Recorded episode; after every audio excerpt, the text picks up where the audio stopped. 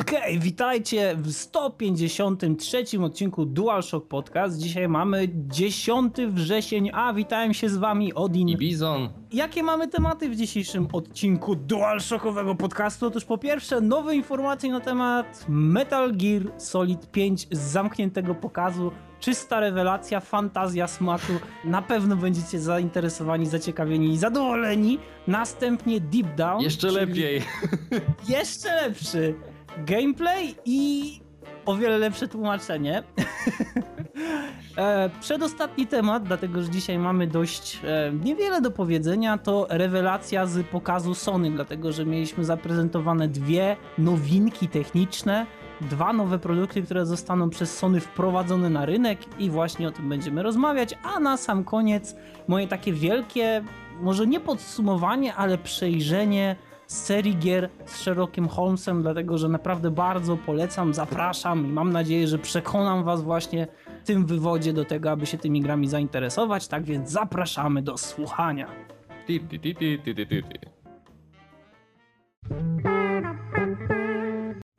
Przy okazji otwarcia nowego studia Kojima Productions w Kalifornii miał miejsce zamknięty pokaz y, z dema Metal Gear Solid 5 Phantom Pain czy też Ground Zeroes, Phantom Pain, cholera wie co to jest. Niemniej nowa gra od Kojimy w uniwersum Metal Gear, gdzie gramy jako Big Boss. I nikt z nas nie widział tej prezentacji, nie wyciekła ona do sieci, ale gdzieś tam wyciekło parę informacji od dziennikarzy czy tam osób, które to widziały. I już wiemy parę nowinek, które pojawią się e, w gameplayu Metal Gear 5 i są to nowinki, które bardzo mocno przypominają to, co wkradło się w ostatniej chyba generacji tej całej konsoli, jeżeli chodzi o gry z otwartym światem albo w ogóle gry pierwszo czy trzecioosobowe, bo weszły rzeczy, od których Metal Gear zawsze stronił, a które teraz się pojawiły i chociaż rozumiem ich implementację w ten otwarty świat, to jednak troszkę dziwne jest chociażby to, że teraz nie mamy paska energii, czy też jakiegokolwiek wskaźnika energii, a jednak mimo wszystko będzie się pojawiała jakaś czerwona łuna na naszym ekranie, kiedy będziemy doznawali obrażeń.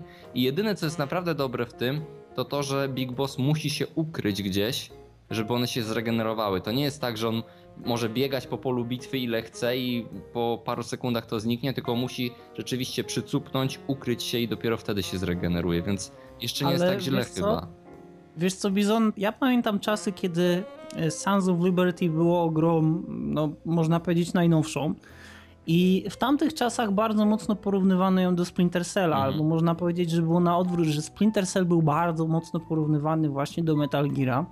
I jedna z takich bardzo mm, charakterystycznych cech to właśnie było to, że pasek zdrowia w Chaos Theory był tak naprawdę niezauważalny dla ciebie i ludzie bardzo mocno naciskali na to, że y, Conviction, czy, czy można powiedzieć Double Agent, to była jednak ta lepsza wersja, dlatego że nie posiadała, nie posiadała paska zdrowia. Mhm. I, I to odczucie, ten realizm był znacznie bardziej dostrzegalny. Było łatwiej się zaklimatyzować z postacią, która wydawała się bardziej ludzka, bo jej e, reprezentacja zdrowia nie kończyła się tylko i wyłącznie na pionowym pasku. Ja rozumiem o co chodzi, ale e, Snake Eater wprowadzał rzeczy typu musisz jeść, żeby przetrwać, żeby twoja energia się regenerowała, musisz leczyć swoje rany, żeby wiesz, jakkolwiek to nie było pokraczne i nie działało w Snake Eaterze tak jakbyśmy wszyscy chcieli, to jednak Kojima szedł tą stronę chyba bardziej realizmu, bo ja wiem, że pasek zdrowia to nie jest rzecz realistyczna, ale jednak to jest coś, co jest widoczne, na co my mamy wpływ i co regeneruje się pod wpływem czynników zewnętrznych, czyli na przykład jedzenia, czy... Właśnie może chodzi o tą regenerację, że w poprzednich częściach MGS-a nie wiem, czy w ogóle można było doprowadzić do czegoś takiego, że zdrowie samo ci się regenerowało. W że tak było właśnie. W jakiś właśnie, no okej, okay, ale nie mogłeś liczyć na to, że gdzieś przycupniesz nie, nie. I, i, i ono się zacznie jakoś regenerować i może dzięki temu ta gra budziła pewien respekt w podejściu właśnie do tego, w jaki sposób opracowujemy sobie strategię przejścia danego poziomu e, i w jaki sposób podchodzimy do konfrontacji z przeciwnikami. Mhm. Natomiast kiedy dostajemy regenerujące się zdrowie, to już ja rozumiem, że chodzi o dynamikę gry i że, i że ona w tym momencie staje się taka o wiele bardziej przystępna, o wiele mniej przestojów i, i szczerze powiedziawszy ogólnie jej odbiór jest płynniejszy, dlatego że właśnie nie ma tych pauz, które musimy sobie robić, żeby wejść do ekwipunku i tak dalej. Ale wydaje mi się, że y, nawet kiedy nie jest to problem z gameplayem, bo ja nie uważam, żeby płynna rozgrywka była czymś, y, czym powinniśmy się martwić, to wydaje mi się, że to jest problem trochę z tożsamością w tym momencie, bo MGS przyzwyczaił nas do tego od samego początku i MGS trochę odstawał dziwnie. zawsze. To jest to, że on odstawał, mimo że e, gdzieś tam niby później zaczął konkurować ze Splinter Cellami, to jednak nie widać po tych grach było, że to jest e, konkurencja per se, taka jak między Call of Duty czy Battlefieldem, jeżeli chodzi o graczy online'owych. E, To były dwie oddzielne serie, tymczasem Metal Gear 5 jednak zmierza bardziej w stronę tego, żeby jakąś, wejść w jakąś symbiozę z tymi grami zachodnimi, bo to już zostało lekko przemycone do czwórki, kiedy sterowanie zmieniło się w taki sposób, że w końcu przypominało grę, która wiesz, ma działać w 3D, bo mimo wszystko Snake Eater czy Sons of Liberty to były gry, które nadal posiadały sterowanie dopasowane bardziej do gier 2D niż 3D. I piątka po prostu chyba to rozwija i idzie w stronę tak naprawdę Far Cry'a, bo też kolejna rzecz, która nowa pojawia się w gameplayu, to jest oznaczanie przeciwników za pomocą lornetki, z czego ty się bardzo śmiałeś przed podcastem. Tak, tak, a żeby wytłumaczyć o co chodzi, e, biorąc to dosłownie, to musimy sobie wy, wy, wyobrazić Big Bossa z wielkim plecakiem pełnym lornetek, który skrada się do przeciwników i zawiesza im jedną lornetkę na szyi. I w ten sposób ich oznacza, a później na jakimś zebraniu, kiedy zbiera się cały oddział, to wychodzi jakiś porucznik i krzyczy Debile, daliście się oznaczyć lornetkami! E, no, Całe szczęście to tak nie działa. tak, to tak nie działa, ale z drugiej strony wcześniej mieliśmy radar. Na wyższych poziomach trudności radaru nie mieliśmy. A teraz y, rzeczywiście to będzie przypominało trochę Far Cry'a i ja mam szczerą nadzieję, że to nie będzie tak, że przeciwnicy będą widoczni za pomocą, nie wiem, jakiegoś Super Solidai Milion Zero, e, wiesz, przez ściany, przez kontenery. No ale to ma właśnie w ten sposób funkcjonować jak w Far Cry'u, że oznaczasz wroga i później niezależnie czy ty jesteś odwrócony plecami, czy on jest zasłonięty ścianą, czy czymkolwiek, to widzisz jakiś znacznik poruszający się na twoim ekranie, gdzie ten wróg się znajduje i to ma właśnie e, jakby działać zamiast radaru w tle, tak? I ja to rozumiem z tego względu, że to jest gra z otwartym światem, bo gdyby takie zastosowanie było użyte w staroszkolnym Metal Gearze, to jednak by coś było z tym nie tak, ale kiedy mamy właśnie otwarty świat, gdzie mamy chyba dziesiątki wrogów, jak nie większe ilości nawet, to warto będzie chyba ich sobie pozaznaczać, a jeżeli ktoś nie chce z tego korzystać, no to też nie musi. Ja też nie zawsze korzystałem z tego w Far Cry'u, jeżeli o mnie chodzi, więc yy, no nie wiem jak to będzie do końca rozwiązane, ale ostatecznie nie uważam, że zaimplementowanie takich rzeczy jest ogromnym minusem dla Metal Gear Solid 5, o ile skradanie nadal będzie dobre. A jeżeli chodzi o skradanie, to teraz będziemy mieć ten system, który już widzieliśmy chyba na trailerze, bo w momencie, kiedy zostaniemy wykryci przez wroga, jeżeli będziemy blisko niego, to będziemy mogli włączyć coś w stylu spowolnienia czasu, żeby móc na przykład wyrwać tą broń wrogowi albo ogłuszyć go czy, czy coś innego. I właśnie podobną sytuację widzieliśmy na tym trailerze, gdzie Snake tam wyrywał komuś karabin. Więc tak, mamy, tak, to, tak. mamy to nowe zastosowanie i ja myślę, że jest ok, bo im bardziej rozwinięte jest CQC w Metal Gearach, tym lepiej, bo Big Boss ma być tym mistrzem CQC niby i Peace Walker rozwijał to do tego stopnia, że on mógł rzucać CQC e, przeciwników w kolejce, jeżeli było trzech, to jednego po drugim mógł rzucić i ogłuszyć ten sposób. Więc bardzo dobrze, że piątka po prostu to rozwija jeszcze dalej idąc i ja myślę, że to jest naturalne, że spodziewamy się po Big Bossie tego, że on e, ma taki refleks, a jako, że my jesteśmy graczem, który nie ma tyle czasu, więc to spowolnienie czasu, żeby dać nam e, chwilę na to, żeby wyrwać ten karabin czy coś, uważam, że to jest bardzo fajne i ciekawi mnie, jak to ostatecznie zostanie zaimplementowane. Ale wiesz co, dla mnie to nadal mimo wszystko jest y, kryzys tożsamości, bo ja uważam, że skoro mamy otwarty świat, czyli coś, do czego aspirował trochę Snake Eater, to fajnie by było zobaczyć Big Bossa, który musi gdzieś schować się na przykład za jakąś, nie wiem, za jakąś kondygnacją skalną albo gdzieś w jakimś opuszczonym budynku i wylizać rany, na przykład rozpalić moje ognisko, zjeść coś, opatrzyć opatrunkiem i na przykład, nie wiem, jakimś sprayem antybakteryjnym, przeciwzapalnym, coś takiego. Znaczy pamiętaj, to by było... że to teraz troszkę inaczej funkcjonuje, bo Snake Eater był tą grą o agencie rzuconym na obcy teren, za linię wroga. Tymczasem e, Grand Zeroes czy Phantom Pain mają być mimo wszystko tymi grami Tactical Espionage Operations, gdzie masz do dyspozycji jakiś sprzęt taktyczny też. Tam widzieliśmy na prezentacjach wcześniej, że możemy wzywać helikoptery, jakieś y, zrzuty odpowiednich, y, odpowiedniego wyposażenia, jeżeli potrzebujemy na ten moment i tak dalej, i tak dalej. Więc uważam, że pewien sposób to się odcina nieco od tego survivalu na rzecz tego, że Big Boss jest głową jakiejś organizacji i ma dostęp do różnych rzeczy, różnych nowinek technicznych i tak dalej, i tak. Więc rozumiem skąd pójście akurat w tą stronę i czy kryzys, czy kryzys tożsamości, tak się zastanawiam. Seria musi się rozwijać i musi się mimo wszystko dostosowywać w jakiś sposób do dzisiejszych realiów gier i ja ich nie winię za to, co oni wprowadzają i nie zamierzam tego oceniać negatywnie, póki sam nie zagram i nie zobaczę, jaki to znaczy, ma nie, no to wiadomo, że, że w to się będzie grało świetnie, bo już po tym gameplayu, który był zaprezentowany lata temu e, i po tych cutscenkach, widać, że ta gra będzie naprawdę bardzo fantazyjna, będzie dużo sposobów na podejście do, do wybranego celu e, i będziemy mogli tam wjechać jeepem czy czołgiem, będziemy mogli się podkraść, będziemy mogli, nie wiem, opuścić się na linię z helikoptera. E, to są naprawdę fajne pomysły, natomiast e, po tym, co pokazał mi Snake Eater, ja uważam, że takie rozwiązanie by działało po prostu. Skoro to jest otwarty świat, skoro podróżujemy godzinami, skoro, e, nie wiem, przechylamy się gdzieś na siodle na bok, żeby zasłonić się ciałem konia przed jakimiś strażnikami i tak dalej, to czemu by nie zrobić czegoś w stylu Red Dead Redemption, że rozpalamy sobie ognisko, albo coś w stylu Wiedźmina, że siadamy i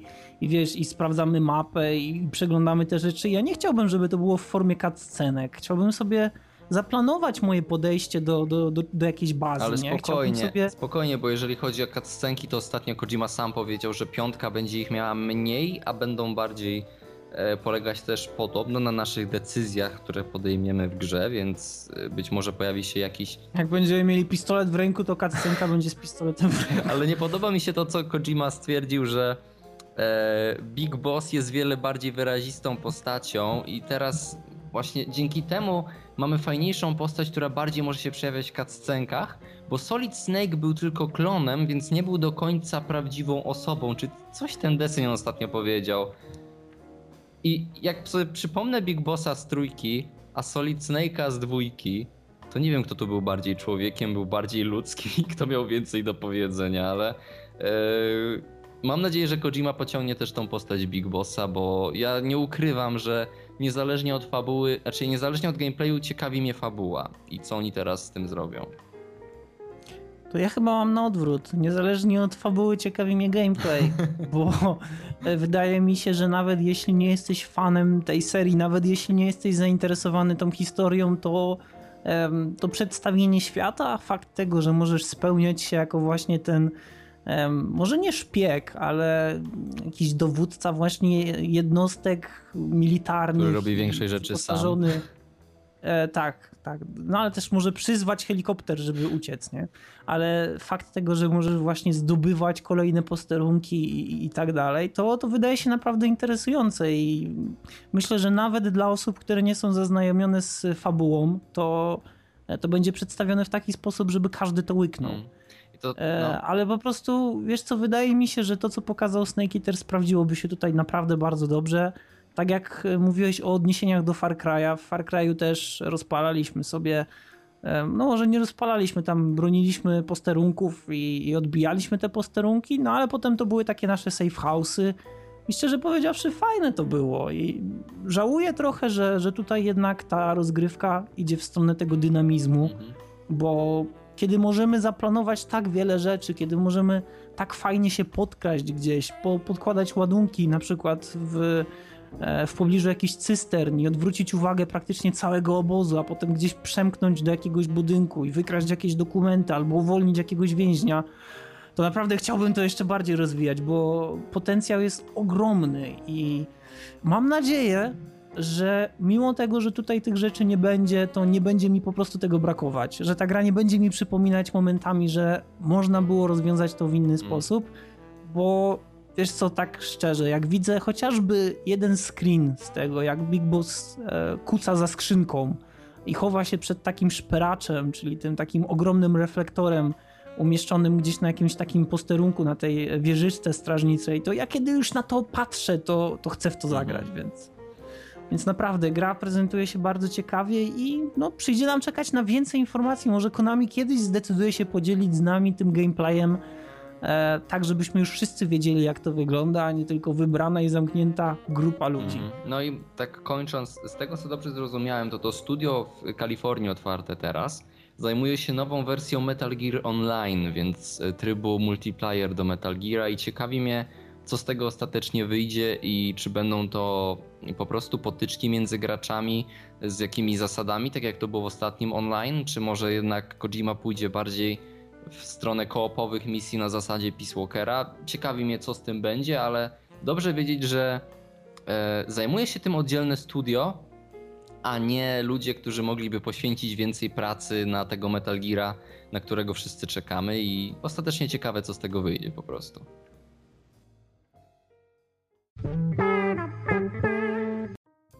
Okej, okay, drugi temat naszego podcastu, czyli Deep Down, czy też jak sobie żartujemy, Geist Goidoin. Więc e, widzieliśmy tą grę jakiś czas temu, a można nawet powiedzieć, że jeszcze chyba przed prezentacją PlayStation 4, czy właściwie nie PlayStation 4, a pada PlayStation 4. My to widzieliśmy w tej pierwszej chyba pierwszej zapowiedzi, gdzie tam widzieliśmy ten filmik ze smokiem, któremu kapało z ryja i tak dalej.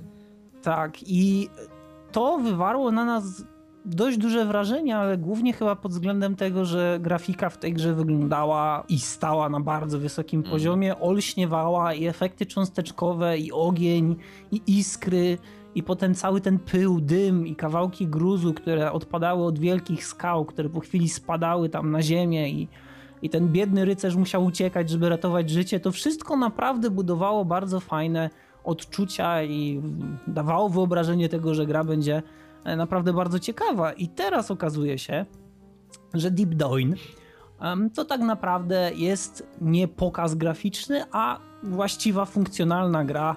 Tyle tylko, że z jednym małym twistem. E, Capcom tak naprawdę zaskoczył nas o tyle tym, że nie jest to gra, która osadzona jest w średniowieczu. I teraz ktoś, kto nie jest zapoznany z tym tematem, może zadać sobie pytanie, ale jak to? Przecież sterujemy rycerzem, chodzimy po ruinach wielkich świątyń, walczymy ze smokami. No to w takim wypadku o co chodzi? Bizon, o co chodzi? E, chodzi o to, że gra tak naprawdę jest y, zmyślnym połączeniem y, Demon Souls z Animusem, czy też no po prostu z Assassin's Creedami, bo tak naprawdę fabuła i postać, którą sterujemy, pochodzi z roku 2094 i ta postać przy pomocy jakichś tam artefaktów i pewnie jakiegoś ustrojstwa przenosi się do wspomnień jakiejś tam postaci z roku 1400 czy 1200 któregoś. I w ten oto sposób jesteśmy rycerzem, który walczy ze smokami, który tak naprawdę przeżywa wspomnienia będąc y, ileś tam lat w przyszłości. Więc e, nie wiem po co ten zabieg, nie wiem po co takie naśladownictwo, jeżeli chodzi o Assassin's Creed. I ogólnie, kiedy teraz na to patrzę, to widzę jedno naśladownictwo za drugim, bo o ile wyciągnęliśmy fabułę z Assassina, tak gameplay, jeżeli byś mi pokazał to nie mówiąc co to jest, to powiedziałbym ci, że to jest po prostu nowe Dark Souls i, i tyle. Bo to tak wygląda. Mamy rycerza, który wygląda nawet jak z tych e, promocyjnych filmików do, do Demon Souls, jeżeli dobrze kojarzę. Poruszającego mhm. się po jakichś katakumbach, walczącego z potworami. Widać, że e, ta gra może nie będzie miała takiego poziomu trudności jak e, Dark czy Demon Souls, ale widać jasną inspirację i zastanawiam się, czy po prostu Capcom nie pozazdrościł Namco ich gry i teraz nie wypuszcza swojej wersji ich gry na nową generację konsol, bo, bo na razie tak mi to wygląda. Ale ja ci powiem z tej prezentacji, która trwała chyba tam 5 minut, nie bardzo idzie cokolwiek ciekawego wywnioskować, oprócz tego, że grafika wygląda całkiem nieźle. Może nie tak jak na tej prezentacji, ale też nie mieliśmy możliwości zobaczenia tego w naprawdę wysokiej jakości, bo wszystkie filmy na necie, jakie są z tej prezentacji, wyglądają po prostu źle. Ale jeszcze gorsze od filmiku jest to, jakiego tłumacza oni zatrudnili do tego. Naprawdę, jeżeli zatrudniamy tłumacza, który ma tłumaczyć z angielskiego, znaczy z japońskiego na angielski, ja wiem, że to na pewno nie jest łatwe, bo mówimy tu o zupełnie inaczej zbudowanych językach. Ale naprawdę, jeżeli tłumacz nie widzi różnicy między e, fluid animation a liquid animation, czy tam, tam, tam było chyba coś o animacji twarzy, tak? Bo już nie pamiętam teraz. E, wydaje mi się, że to, było, to był moment, kiedy, kiedy ten tłumacz starał się wyjawić e, publiczności wielką zagadkę związaną z tym, że niektóre potwory będą reagowały na to, kiedy i o jakiej porze dnia będziemy przemierzać te, te katakumby i one będą się zmieniały i w tym momencie właśnie była pokazana mm, postać tego jednego potwora, który był taki ciekły, ale nie kojarzę już, czy to było czy to było związane z tym, że ten tłumacz chciał. Ogólnie niewiele z tego zrozumiałem. Minęło raptem chyba 30 minut, od kiedy oglądałem ten film, i ja nie jestem w stanie przypomnieć sobie, co tak naprawdę było tam powiedziane, bo, bo naprawdę ciężko jest zrozumieć, co tłumacz chce przekazać. Bo to, to naprawdę ma bardzo duże problemy i. E, oprócz tego, że z odmianą są problemy, to przy okazji jeszcze z liczbą mnogą i pojedynczą, że przedstawiamy wam gry w tej grze i tak dalej. Bardzo dużo często pojawia się zwrot experience, bo chyba w tym tłumacz jest obeznany. Też nie wiem, czy powinienem mówić tłumacz, czy tłumaczka, bo. Ciężko określić. Jest... Tak, bo głos jest tak nie wiem, tak uniwersalny, może pasować i do kobiety, i do mężczyzny. Ale wiesz, z, czego... z jednej strony ktoś powie, dlaczego doczepiacie się tak mocno tłumacza? Bo skoro jest prezentacja, która jest nagrana, puszczona, to my powinniśmy coś z niej zrozumieć, coś z niej wynieść. Tymczasem tak, zobaczyliśmy tak. gameplay, który wygląda zwyczajnie, bo nie dopatrzyłem się tam nic specjalnego na nim, po prostu ktoś chodzi po katakumbach. Później pokazują kawałek z online, kiedy czterech graczy czy trzech walczy ze smokiem, ale to jest 10 sekund, gdzie nikt nic nie robi na tym filmiku. To jest taki tylko glimpse. I prócz tego, że zobaczyliśmy te rzeczy, to nic się praktycznie nie dowiedzieliśmy poza tym, że potwory się dostosowują, bo nawet ten opis fabularny był tak rwany w tłumaczeniu, że trailer do gry więcej mi powiedział o niej niż ta prezentacja. Tak, tłumacz, e, tłumacz kompletnie nie dawał sobie rady nawet ze zwrotami w stylu gra wieloosobowa. Ta pan, Boże, ta pani czy ten pan? Ta pan, ja mam... to jest dobre, dobrze ja, powiedziane. Ja, ja, nie jestem w stanie ogarnąć tego umysłem już powoli, Bizon. Tłumacz nie potrafił przybliżyć tego, w jaki sposób działa gra wieloosobowa, na co patrzymy, był w stanie tylko stwierdzić, że na tych trzech monitorach, więc zobaczmy. To jest, to jest naprawdę Dlatego właśnie się do tego przyczepiliśmy, bo sam trailer jest interesujący. Ale najlepsza jest muzyka, Wiele... muzyka w trailerze jest tak japońska. Tak, jest, jest japońska. I e, jak oglądałem wtedy ten trailer, to ci powiedziałem, że ja tam czułem bajonetę i chciałem, żeby ta postać, no właśnie, którą sterujemy tego rycerza, nagle w takim rozkroku rzuciła się na kamerę i zrobiła Wiesz, to jest... Ja, ja lubię bajonetę, wiem, że powstaje dwójka i ponoć wygląda jeszcze ciekawiej, natomiast no, co wiemy na pewno o tym Deep Down, wygląda jak Dark Souls. Niektórzy nawet porównują do tego, mm, że będzie stanowiło konkurencję do Dark Souls 3, o ile takie powstaje. Mhm. No i będziemy właśnie mieli bardzo mocno rozbudowany tryb multiplayer, gdzie e, tak naprawdę nie będzie jakoś specjalnie ograniczenia co do liczby graczy, dlatego że na tym, mm, na tym filmiku, który oglądaliśmy, tam była mniej więcej chyba szóstka graczy przynajmniej tak jak teraz zacząłem to oglądać i liczyć sobie po kolei, e, ile tam widzę postaci na ekranie, oprócz tego smoka oczywiście, to jest tam chyba sześć graczy. Z czego oni wszyscy obkrążają tego wielkiego smoka i starają się mu wyrządzić jak najwięcej szkody. Starają się go bić po łapach mieczami. Jak... bić po łapach. Działaj go! E, o właśnie, a propos e, pan tłumacz w pewnym momencie starając się coś przetłumaczyć, zaczął robić um, um, um, um. Nie wiem, co się działo. Naprawdę, powiedziałem Bizonowi, że prawdopodobnie ktoś go atakował ołówkiem, ale e, tego trzeba posłuchać. I to ma 6 minut. Ja bardzo mocno poproszę Akiego, żeby tutaj wrzucił po prostu kawałek tego tłumaczenia, tak żebyście zrozumieli nasz lament. Skąd, e, skąd po prostu wydobywają się nasze łzy, bo ja chcę wiedzieć o tej grze więcej. Nie da się. Nie da się niestety. Ale jeżeli będą jakieś nowe informacje, na pewno będziemy mówić, bo ja nie sądzę, że to będzie prosty klon e, Dark Souls, bo oni jednak stawiają na ten multiplayer. Nie sądzę, że to będzie aż tak trudne, bo jednak poziom trudności jest tym, e, z czego Demon czy Dark Soulsy słyną. Więc ja myślę, że oni odejdą jednak od tego schematu, pójdą bardziej w stronę online i może bardziej takiego MMO ale niezależnie od tego, naprawdę dobierajcie sobie lepszych ludzi do prezentacji, przynajmniej do tłumaczenia, bo, bo chcieliśmy coś powiedzieć, a jak widać, ciężko.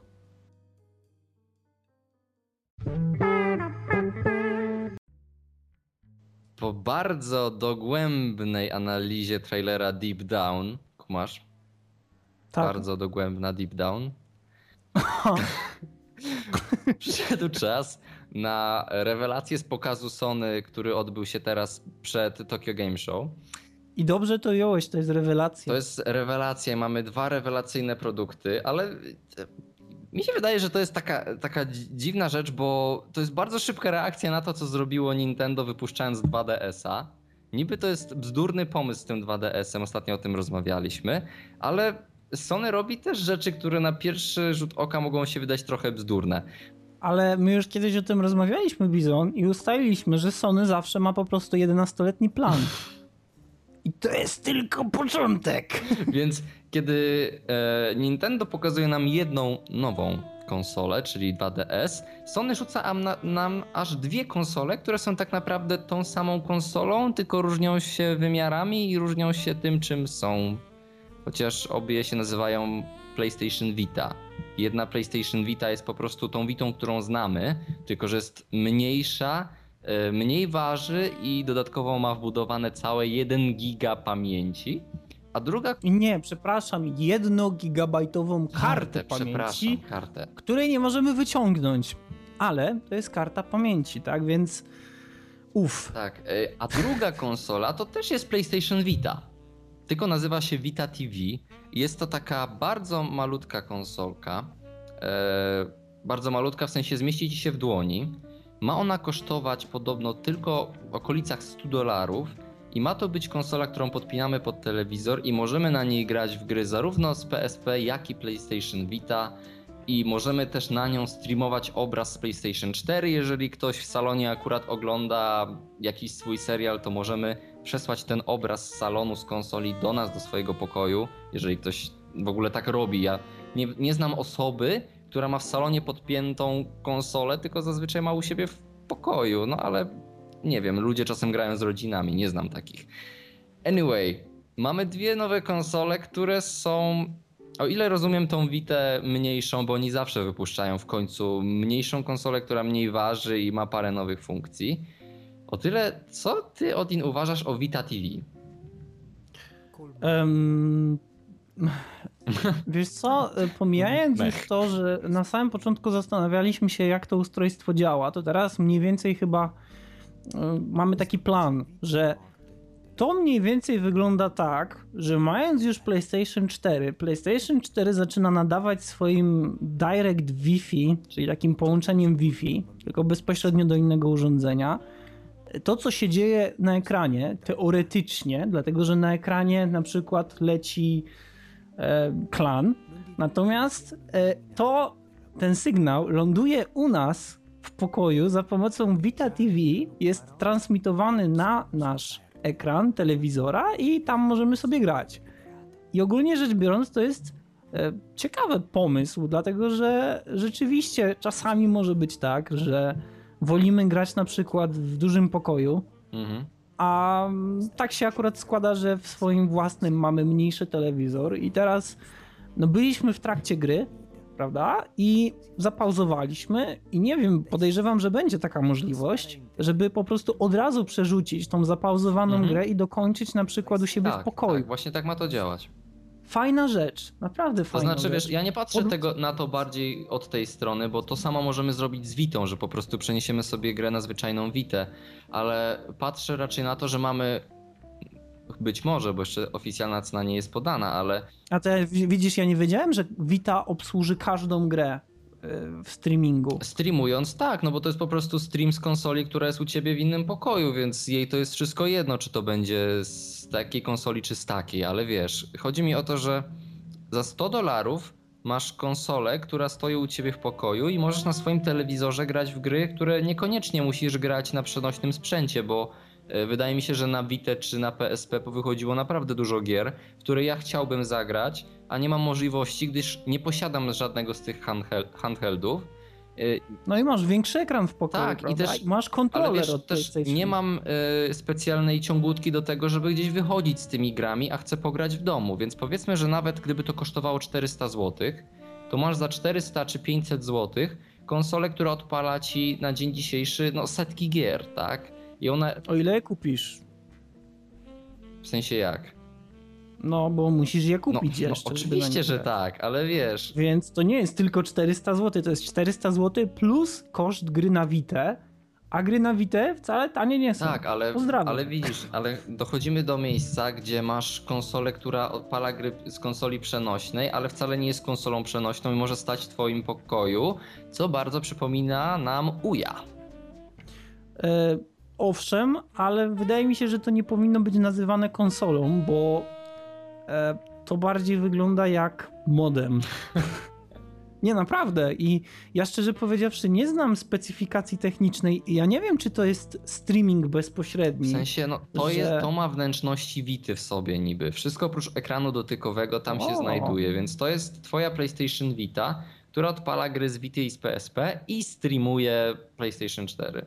No to zakładając w takim wypadku, że gry na tą Vita będą tańsze i zakładając, że sama PlayStation Vita TV jest tańsza od PlayStation Vita zwykłej, no, No. to PlayStation Vita TV jest ciekawym rozwiązaniem, szczególnie właśnie jeśli no, nie chcesz się angażować w kupowanie Vity, a chcesz grać w gry, Tylko- które wychodzą na Tylko Vita. pamiętaj, że też nie wszystkie gry na pewno będą udostępnione, bo mimo wszystko Vita korzysta w wielu grach z tego ekranu dotykowego, z tych dotykowych funkcji, które nie da rady zaimplementować, bo e, Pamiętaj, że DualShock z PlayStation 4 posiada ekran dotykowy. Ale na razie, y, na razie tam jest pokazane, że przy tej Wicie leży zwyczajny DualShock. Więc nie wiem, jak to będzie dokładnie działać, ale póki co jest powiedziane, że nie wszystkie gry będą dostępne na pewno.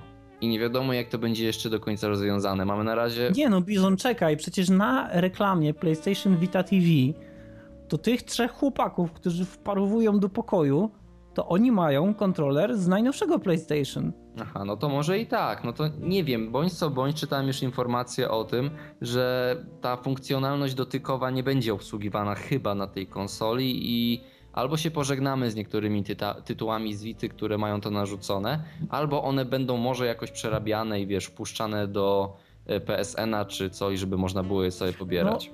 Dobra, ale tak czy inaczej chyba to, co bardziej interesuje graczy takich jak na przykład ja, którzy już mają sporo po dwudziestce, e, to jest fakt tego, że większość tytułów z PlayStation Classic będzie można Mhm. sobie kupić. Ale ja właśnie na przykład myślę, naprawdę- patrz, e, Metal Gear Solid w wersjach HD, które powychodziły na Vitę. Mhm. To wszystko tam jest. Tak myślę, że to wszystko będzie dostępne, wiesz, od day one.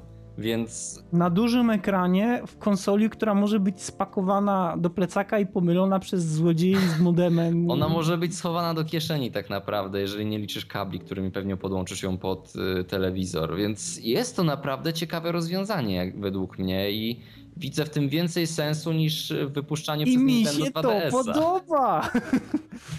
Nie, bo to jest naprawdę lepsze rozwiązanie niż Uja, która w momencie rozpakowywania w pudełku pierwsza kartka e, cała czerwona z białym napisem Thanks for believing e, i ludzie ją zwracają po tygodniu, więc myślę, że PlayStation Vita TV jest naprawdę ciekawym rozwiązaniem, szczególnie gdyby była tańsza. E, to, to naprawdę super sprawa. Oczywiście to ciekawi jeszcze dochodzi cena. kwestia e, dokupu kontrolera. No tak, ale teraz cena, nie? Bo jeżeli to jest 100 dolarów, to powiedzmy, że to nawet będzie kosztować 400 zł. To nie są duże pieniądze jak za konsolę, która ma taką bibliotekę tytułów na starcie. Mhm. Więc naprawdę sądzę, że to jest bardzo dobre posunięcie ze strony Sony i zobaczymy jak to się rozwinie dalej, ale kurde, na, naprawdę nie potrafię tego nie pochwalić, chociaż rozumiem, że to jest dziwny wybryk robić z konsoli przenośnej coś takiego, bo kiedyś już Nintendo robiło podobne rzeczy, yy, kiedy mogłeś na przykład doczepiać do konsoli stacjonarnej jak Super Nintendo odpowiedni adapter, który pozwalał ci grać w gry z Game Boya na niej. Więc to było rozwiązanie do czepiania do konsoli czegoś, co, co wiesz, pozwalało ci grać, ale tutaj nie musimy posiadać PlayStation 4, żeby grać w gry z Vity czy, czy w inne tytuły z PSP i tak dalej, więc jest w tym jakiś potencjał. Nie wiem, jak rynek się na to zapatruje i czy będzie dużo odbiorców rzeczywiście, ale podoba mi się to. Po prostu mi się to podoba. Jak najbardziej, mi również. Ale nie zapominajmy o tym, że przypadku jeszcze właśnie rozmowy o Wicie została zaprezentowana nowa Wita, która jest o 20% y, węższa, tak? No, coś takiego. I ma trochę dłuższe życie na baterii, około jedną godzinę i ma różne kolory. Bo kolory są ważne, bo ludzie lubią mieć różowe, zielone, żółte. Wiesz co, nie, bo to jest tak. Jeśli miałbyś kupować PlayStation Vita, mhm i będziesz wiedział o tym, że jest dostępna wersja, która jest mniejsza, która działa o godzinę dłużej na baterii, to jeśli ona będzie w rozsądnej cenie, to ją wybierzesz. A jeśli nie będzie w rozsądnej cenie, to zapewne wprowadzenie nowszej wersji PlayStation Vita wpłynie na cenę starszej wersji PlayStation Vita, przez co starsza wersja będzie tańsza. Więc tak czy inaczej, dla nas graczy, no, tak czy, no to jest, to mimo wszystko jest wygrać. Sam profit, tak. Tak. Więc e, tutaj możemy to skomentować tylko tak. E, to jest dla nas korzystne. Natomiast e, czy sensowne? No, Nintendo jest w stanie robić takie rzeczy i nikt na nich nie pluje, tak więc nie wiem, czy my powinniśmy. To jest druga wersja PlayStation Vita, natomiast Nintendo DS ma tych wersji gazyliard. No, ale więc... też mamy zupełnie inne wnętrze już tam od wersji 3DS, więc wiesz, mówimy już o kompletnie nowej konsoli, ale mówię, posunięcie z tym, że wychodzi nowa Vita, która jest chudsza, było zrozumiałe, bo Sony robi to zawsze. Tymczasem Vita TV to bardzo miłe zaskoczenie, które na pewno dotrze do pewnego grona odbiorców i ciekawi mnie, jak ten eksperyment się do końca przyjmie, bo nawet ja widzę się być może w przyszłości, jeżeli to będzie naprawdę tanie, jako jeden z potencjalnych odbiorców tej konsoli.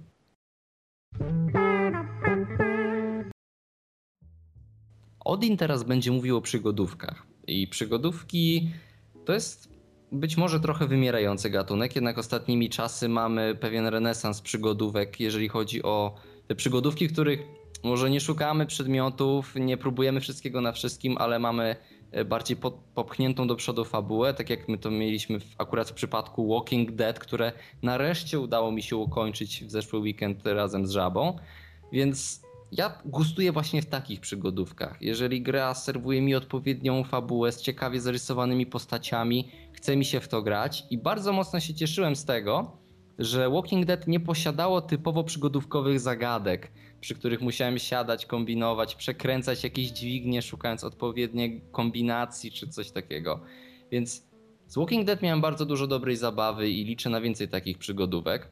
Ale z tego co się orientuję, to Sherlock to mimo wszystko są przygodówki, które bardziej kłaniają się w stronę tych starych gier yy, przygodówkowych, bardziej w stronę point and clicków, więc powiedz mi, czy taka osoba jak ja, która nie interesuje się już zbytnio staroszkolnymi przygodówkami, a patrzy raczej na te, które idą w stronę opowiadania historii, czy ja mam co znaleźć jeszcze w takiej serii gier?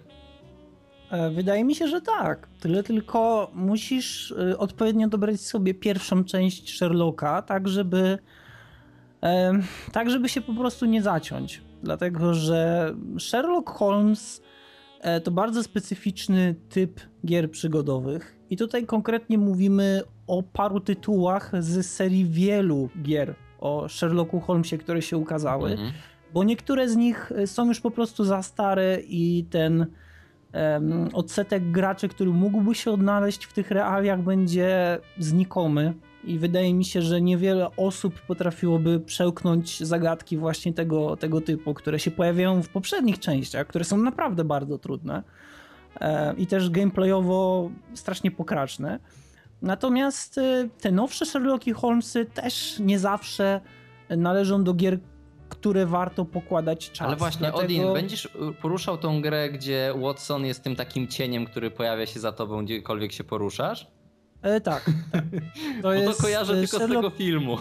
Tak, tak, to jest Sherlock, e, Sherlock Holmes kontra Arsène Lupin, czyli taki złodziej, e, Francuz z pochodzenia, który był gentlemanem i wyzwał Sherlocka Holmesa na pojedynek, mówiąc mu, iż ukradnie e, symbole Wielkiej Brytanii i w ten sposób wykaże, iż Francja zawsze była potęgą i krajem, który był intelektualnie e, wyższy, jeśli chodzi o, o, wiesz, o to porównanie bezpośrednie właśnie z jego krajem ojczystym, z krajem Sherlocka Holmesa, czyli z Wielką Brytanią. Ale w ogóle pomijając ten temat, wracając do konkretów, Sherlock Holmes jest grą, która mimo, że potrafi sprawiać pewne problemy, to przy okazji świetnie portretuje czasy właśnie e, późnego XIX wieku, czyli roku 1880 i wzwyż.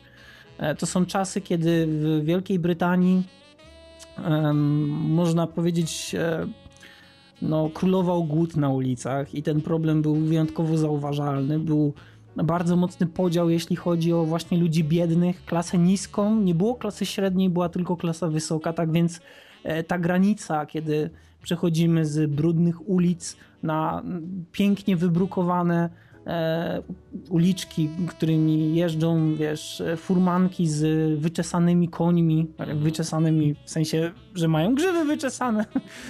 E, I ogólnie rzecz biorąc, ta, ten klimat tego, że tam nie pojawia się ten dym, że nie pojawia się ten gruz, brud na ulicy, że, że nie ma dzieci, które chodzą, biegają, żebrzą, że nie ma kobiet, które leżą nieprzytomne, że nie ma mężczyzn, którzy opierając się o o bramy wejściowe do jakichś e, małych kamieniczek popijają wino czy, czy jakiś alkohol, który e, nie jest wcale pierwszej jakości. Widać naprawdę to rozgraniczenie, szczególnie widać je właśnie w jednym tytule, e, konkretnie Sherlock Holmes vs. Kuba Rozpruwacz, gdzie większość tego dochodzenia właśnie mm, w poszukiwaniu wspomnianego Kuby Rozpruwacza prowadzimy właśnie na ulicach londyńskich, które są E, no wyjątkowo splugawione akurat w tych czasach, e, gdzie niestety oprócz tego, że ludzie umierają z głodu, umierają również e, z chorób przenoszonych poprzez kontakt seksualny, no i zwykle też z tego powodu, iż alkohol dodaje im trochę więcej odwagi i, i no niestety w ruch idą noże oraz potłuczone butelki. Tak więc Ogólnie sam klimat tej gry, a właściwie serii tych gier jest bardzo fajny, dlatego że jeśli ktoś lubi przeżywać historię, jeśli ktoś lubi, e, że tak powiem, dać się wciągnąć w takie brudne czasy, kiedy e, nawet ubrania ludzi, których widujemy na co dzień, nie były czyste, choć byli uważani za wyjątkowo schludnych. E, wydaje mi się, że wtedy naprawdę jesteśmy w stanie poczuć na sobie troszeczkę ten oddech tego, tego, tego londyńskiego, nie wiem, slumsu, tego Harlemu, nie wiem, czy można tak powiedzieć. E, to jest naprawdę bardzo ciekawa podróż i bardzo ciekawa historia, i bardzo ciekawa lekcja też z tego, jak wyglądało życie ludzi w tamtych czasach. E, teraz, jeśli chodzi o same gry, to niektóre z nich nie rozgrywają się konkretnie w Londynie. E, niektóre z nich, można powiedzieć, uderzają w trochę inne miejsca, lub też na przykład zamykają się konkretnie do paru lokacji, gdzie tak naprawdę nie uświadczymy za bardzo właśnie tego Londynu, o którym powiedziałem. Natomiast myślę, że e, zacznę od początku i tutaj wymienię konkretnie te tytuły, które uważam za warte uwagi. Krótko je omówię też, no i mam nadzieję, że pod sam koniec jakoś to ładnie podsumuję i i będziemy mogli przejść do pytań, jeśli jakowe będą. Tak więc zacznijmy może od tego, że ja swoją przygodę zacząłem od e, Sherlock Holmes vs. Kuba Rozpruwacz i szczerze powiedziawszy dziękuję Bogu, że tak się stało, dlatego że ta gra jest naprawdę wyjątkowo fascynująca, wciągająca i, i trzyma w napięciu. To, co mi się wyjątkowo spodobało, to niemalże od samego początku, kiedy dostajemy się na miejsce pierwszej zbrodni, jako już utytułowany Sherlock Holmes, czyli nie musimy budować swojej reputacji, musimy odtworzyć scenę zabójstwa. I badając zwłoki za pomocą lupy, nachylając się właśnie nad denatką czy denatem, bo już nie pamiętam, kto pierwszy zostaje zabity, ale podejrzewam, że denatka, bo, bo Kuba rozpruwacz mordował prostytutki. E, tak, więc um, musimy zaznaczyć, które cięcie było pierwsze. Musimy um, zrobić taką wizję lokalną razem z Watsonem, angażując się w to, iż e, Watson będzie służył właśnie za ofiarę, a my jako Sherlock będziemy udawali Kubę rozpruwacza i za pomocą konkretnych ruchów będziemy musieli odegrać całą scenę morderstwa. Następnie będziemy musieli położyć ciało e, i zrobić charakterystyczne dla Kuby rozpruwacza te właśnie gesty, czy można powiedzieć rytuały związane z, e, z zabójstwem.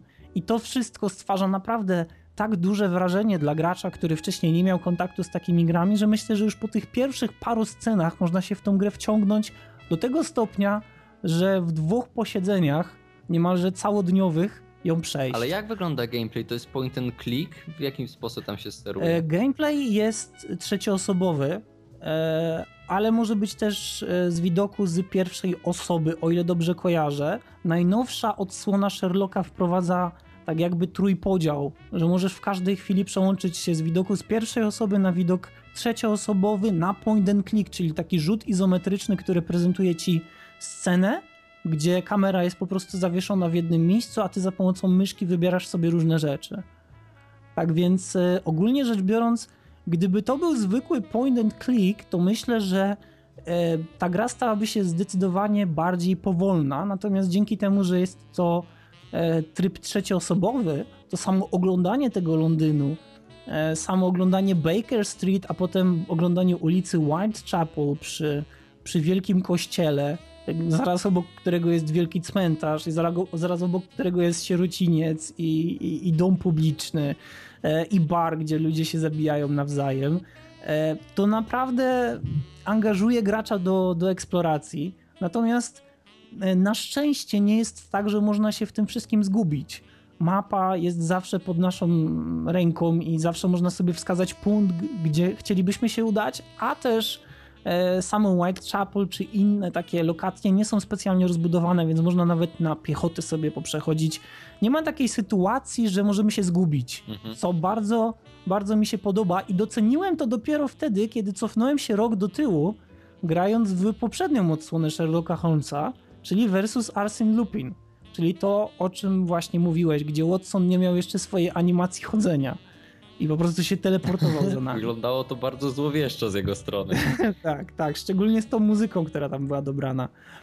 E, tak czy inaczej, Sherlock Holmes vs. Kuba Rozpruwacz jest grą wyjątkowo wciągającą. Ma tablicę dedukcji na przykład, która oprócz tego, że jest bardzo ciekawym dodatkiem do gry, powoduje, iż musimy się skupić i zastanowić nad tym, co dokładnie, co dokładnie zaobserwowaliśmy przed chwilą i jakie są wnioski i gdzie dalej powinniśmy zmierzać z naszym dochodzeniem.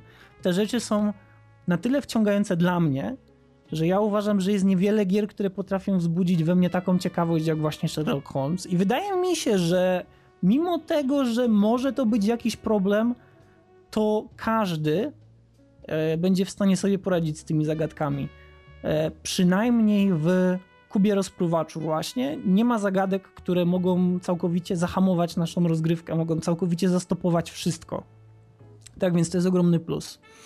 E, no i też gra się kończy w nieprzewidywalny sposób. Nie można jej przewidzieć za bardzo, e, więc e, to też mi się bardzo podoba, że wychodzi jednak poza te ramy założeń typowej przygodówki, gdzie Główny zły to jest główny zły i my tak naprawdę podążamy tylko i wyłącznie po sznurku do tego, żeby go powstrzymać. Mhm, ale powiedz mi, jak jest ogólnie z postaciami? Czy jest tak, że sama historia popycha cię do tego i to, jak zachowują się postacie, interakcje między sobą, do tego, żeby grać w to dalej i się nie odrywać, czy bardziej chodzi tu o historię samą w sobie? Chodzi o tą zbrodnię i o jedną zbrodnię po drugiej, które robisz i to cię popycha dalej, a postaci są takie se.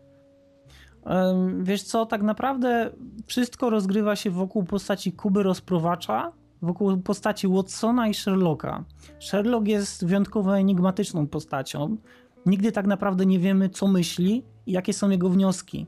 A bardzo często jest tak, że to Watson jest narratorem tego, co się w danym momencie dzieje, a Sherlock Holmes tylko i wyłącznie podsumowuje tak jakby bardzo krótkimi, lakonicznymi zwrotami w stylu quite albo elementary. Tak więc my jako Watson tak naprawdę jesteśmy zobowiązani do tego, żeby opisać graczu, czyli tak naprawdę zrobić sobie autonarrację na podstawie tych rzeczy, które widzieliśmy. Tak więc e, oprócz tego, że ta historia jest ciekawa, to przy okazji, żeby ją zrozumieć, to sam musisz się zaangażować. Ona nie jest podana na tacy. Tak więc um, jeśli chodzi o interakcje z innymi postaciami, to niektóre są komiczne, niektóre są zwyczajne, niektóre są stereotypowe, a niektóre ukazują biedę tego Londynu. Natomiast myślę, że chyba najbardziej interesująca jest właśnie relacja Kuby Rozprowacza i Sherlocka Holmesa oraz w tym wszystkim jak odnajduje się Watson, jak on to wszystko widzi. Tak więc nie wiem, czy to odpowiada na twoje pytanie. Mam nadzieję, że tak, ale wydaje mi się, że e, naprawdę warto sprawdzić tą grę, bo była ona moją pierwszą i uważam, że jedną z najlepszych. Teraz, e, kiedy cofnąłem się właśnie rok do tyłu i e, trafiłem na Sherlocka Holmesa versus Arsene Lupin, to szczerze powiedziawszy mocno się zdziwiłem. Dlatego, że mimo, że gry wyglądają bardzo podobnie, to różnią się, oj różnią. E, konkretnie o co tutaj chodzi? Otóż Sherlock Holmes versus Arsene Lupin to tak naprawdę niemalże to samo. Ci sami aktorzy głosowi, nowa postać właśnie. E, tutaj akurat mówimy o tym e, francuskim dżentelmenie złodzieju. Natomiast sposób w jaki prowadzone są zagadki, sposób w jaki prowadzona jest fabuła jest kompletnie nielogiczny. Niestety, tak jak w Kubie Rozpruwaczu nie ma możliwości zacięcia się w taki sposób, żeby, żeby po prostu nie wiedzieć, co dalej mam robić. Tak w Arsene Lupin jest to niemalże ewidentne, że ta gra będzie wymagać od nas bardzo wiele. E, I to będzie od nas wymagać bardzo wiele nie w kontekście dedukcji, tylko w kontekście um, używania może nie wszystkiego na wszystkim, ale oglądania wszystkiego, mhm. klikania na wszystko, słuchania wszystkiego, zapisywania sobie wszystkich. Tak, mhm. E, ta gra wymaga wiele i szczerze powiedziawszy, okej, okay, to było wyzwanie dla mnie. I pierwszą scenę w muzeum pokonałem, myślę, w ciągu dwóch dni e, starając się to jakoś tam rozwikłać, bo powiem szczerze, że nigdy nie przykładałem uwagi do tego, e, jak nazywają się poszczególni malarze, albo jak nazywają się poszczególni dowódcy wojenni i tak dalej. Ale to, co pojawiło się potem, kompletnie mnie zirytowało i odrzuciło od tej gry. Otóż zaczyna się dziać tak, że Sherlock zaczyna nam zadawać pytania, i my, jako Watson, musimy wpisać na klawiaturze odpowiedź. Mhm. I teraz na samym początku to było jeszcze proste, dlatego że to była dedukcja związana z analizą listu. Kilka pierwszych liter, można powiedzieć jakaś analogia, jakieś powtarzające się zwroty, albo na przykład słowo klucz. I to było, można powiedzieć, jakby podstawą do tego, żeby potem zgadywać, jak muszę mu odpowiedzieć. Natomiast później pojawiają się zagadki w stylu, że nie mam najmniejszego pojęcia, co mam dalej robić. E, to, że tak powiem, eskalowało do tego po, po poziomu, że w momencie, w którym trafiamy gdzieś na jakiś dwór e, w pobliżu teatru, zostaje nam oddane do dyspozycji jakieś 15 plansz, ogromny teren, po którym możemy się włóczyć. Wszystkie drzwi są pozamykane. Tak naprawdę nie wiemy, gdzie mamy zacząć. Nie wiemy, co mamy robić.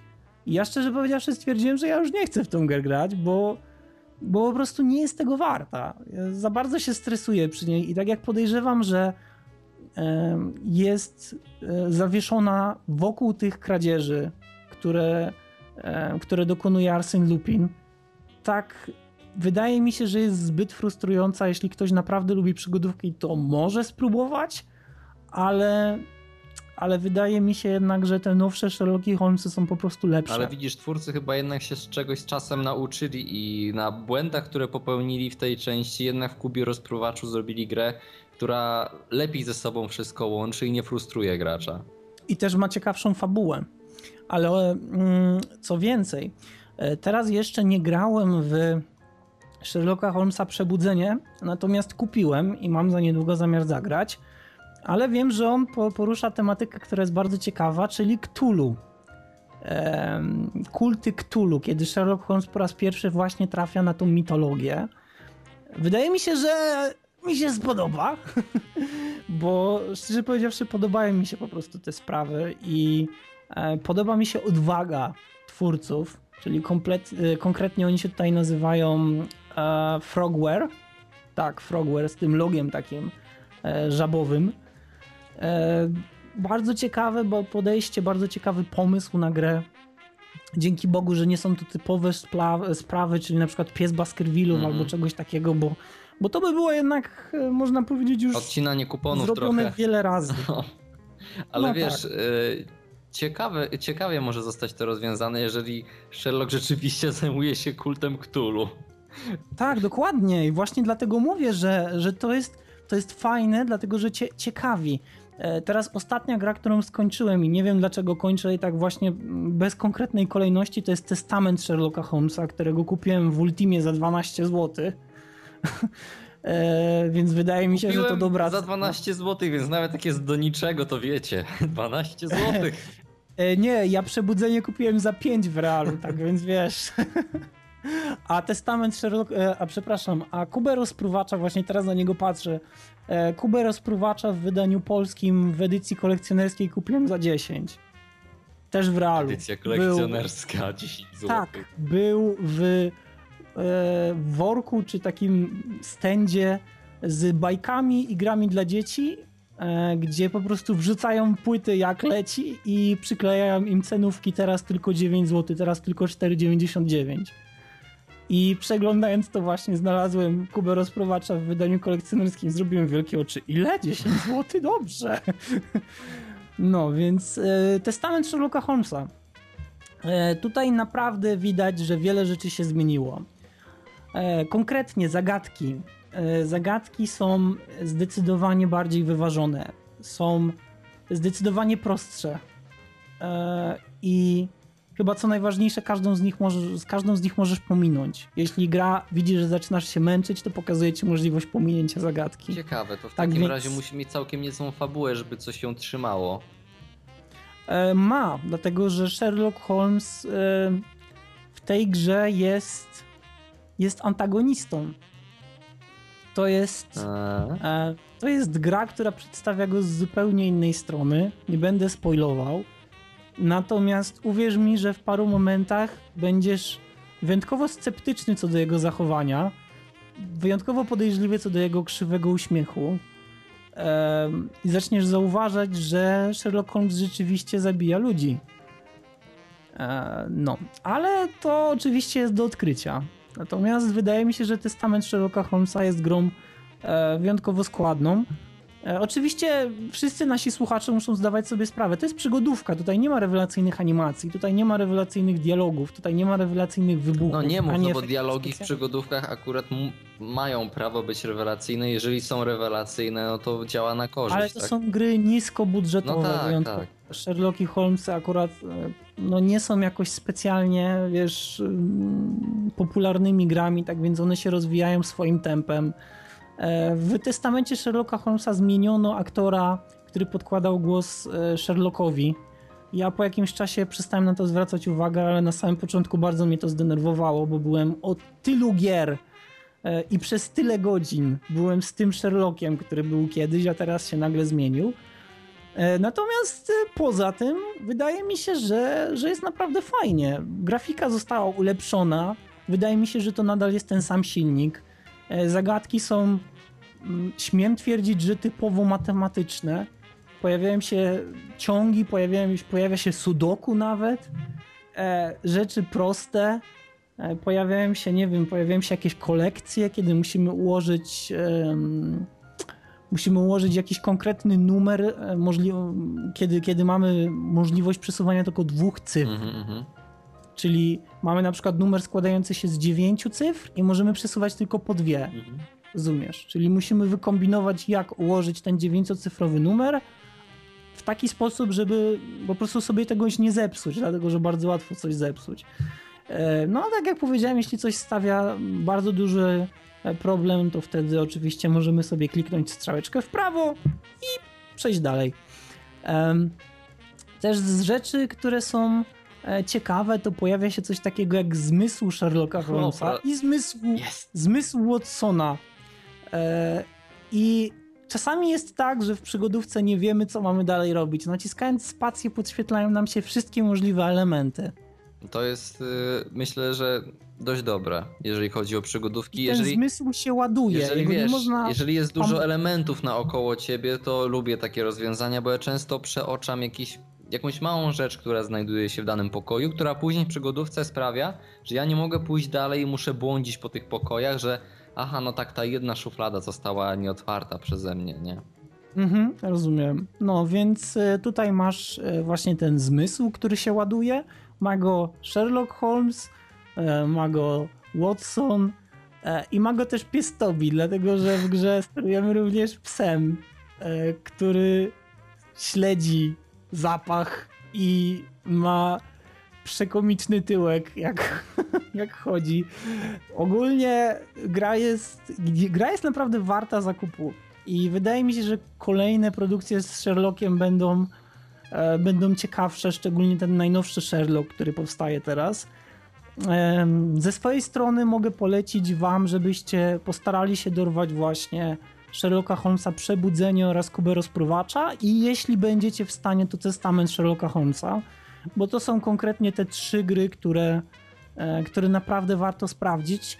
E, jeśli chodzi o Arsene Lupin, to Wydaje mi się, że nie, dlatego że można się bardzo mocno zdenerwować i sfrustrować na tą grę i ona może przestać być ciekawą podróżą i ciekawym, ciekawym doświadczeniem, a po prostu taką, nie wiem, taką frustrującą zagadką. Mm -hmm, może w ten mm -hmm. Ale wiesz, to jest, mi się właśnie to zdarza przy wielu przygodówkach, na przykład e, kiedy grałem The Longest Journey pierwszy raz z żabą, to to wyglądało właśnie w ten sposób, że Chciałem znać tą historię, chciałem poznawać... Jak długo uczyliście się nowomowy?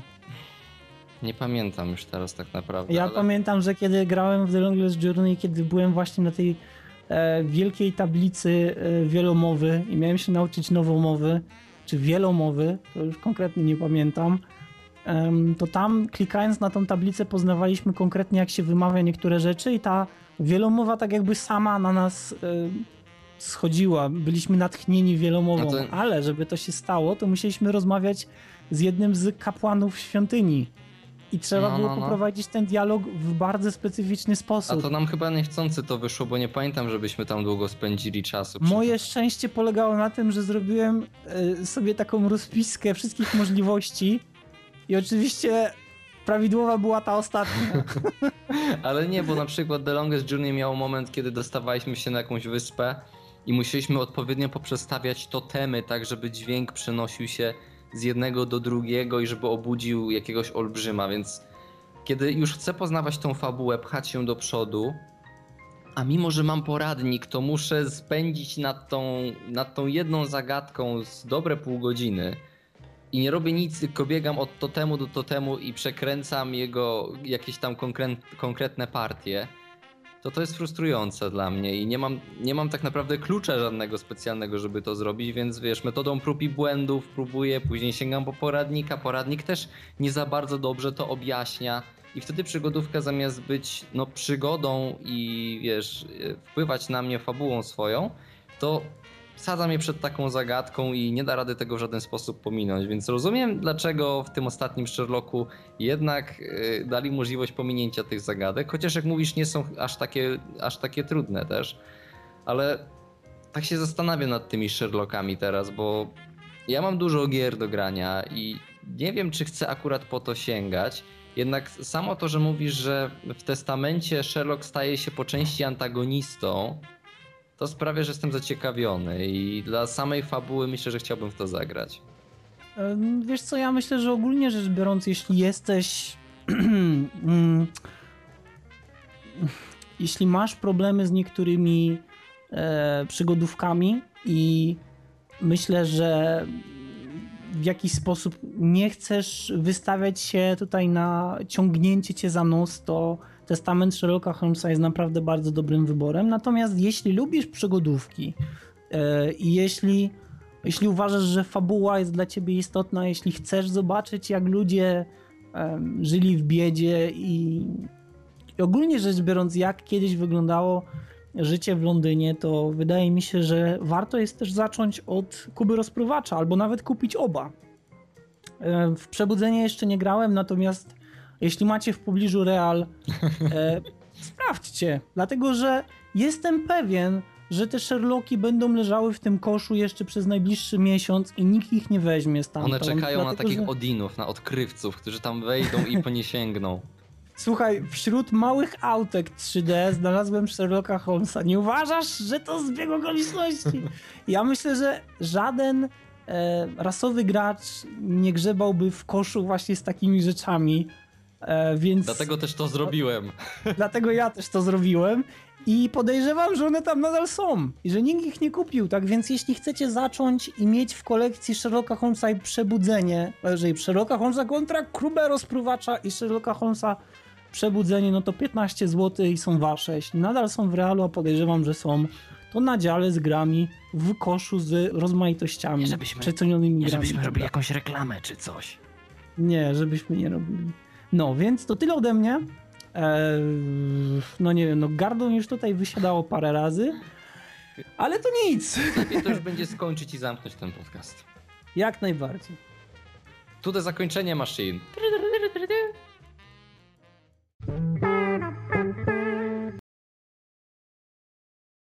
Więc oto i koniec tego podcastu.